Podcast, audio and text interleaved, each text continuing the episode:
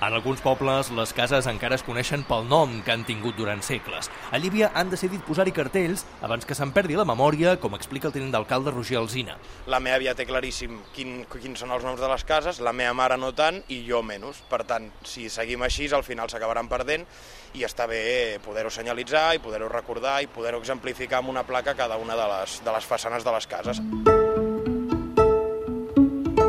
Cal Astor, Can Manel o Cal Capità. Cada família ha omplert un formulari amb el nom històric de casa seva. L'Ajuntament ho ha contrastat amb els arxius municipals i amb l'historiador Valentí Sorià, que ha extret molta informació de les caramelles. Jo molts noms els sé degut a les caramelles. I a les caramelles, en aquest, eh, hi havia tots els sobrenoms de molta gent. I on se trobava eh, aquesta casa, al carrer i de l'actual la, propietari. Diu que algunes cases prenien noms, cognoms o malnoms de les famílies. D'altres es referien a oficis i en alguns casos ni se'n sap l'origen. Hi havia Cal Escolar, a Cal Bisbe, però aquí tenim a Cal, a Cal Bava, no sé de què ve, que, que tot aquest edifici aquí era Cal Martri. Cal Martri? Martri, aquest d'aquí.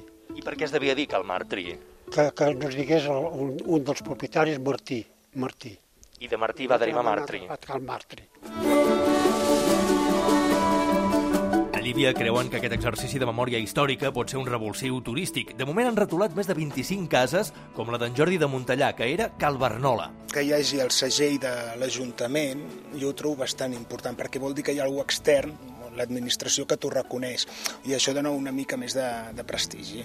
Tot i que alguns pobles han oblidat els noms de les cases, en altres zones com el Pallars Sobirà són plenament vigents. Jordi Abella és director de l'Ecomuseu de les Valls d'Àneu. És una, un element cultural que a poc a poc va desapareixent però que encara avui en dia és molt present i, i, i marca també un tema d'orgull i dignitat de les famílies en funció de la casa a la que pertanyen no? o han, o han pertanyut. No?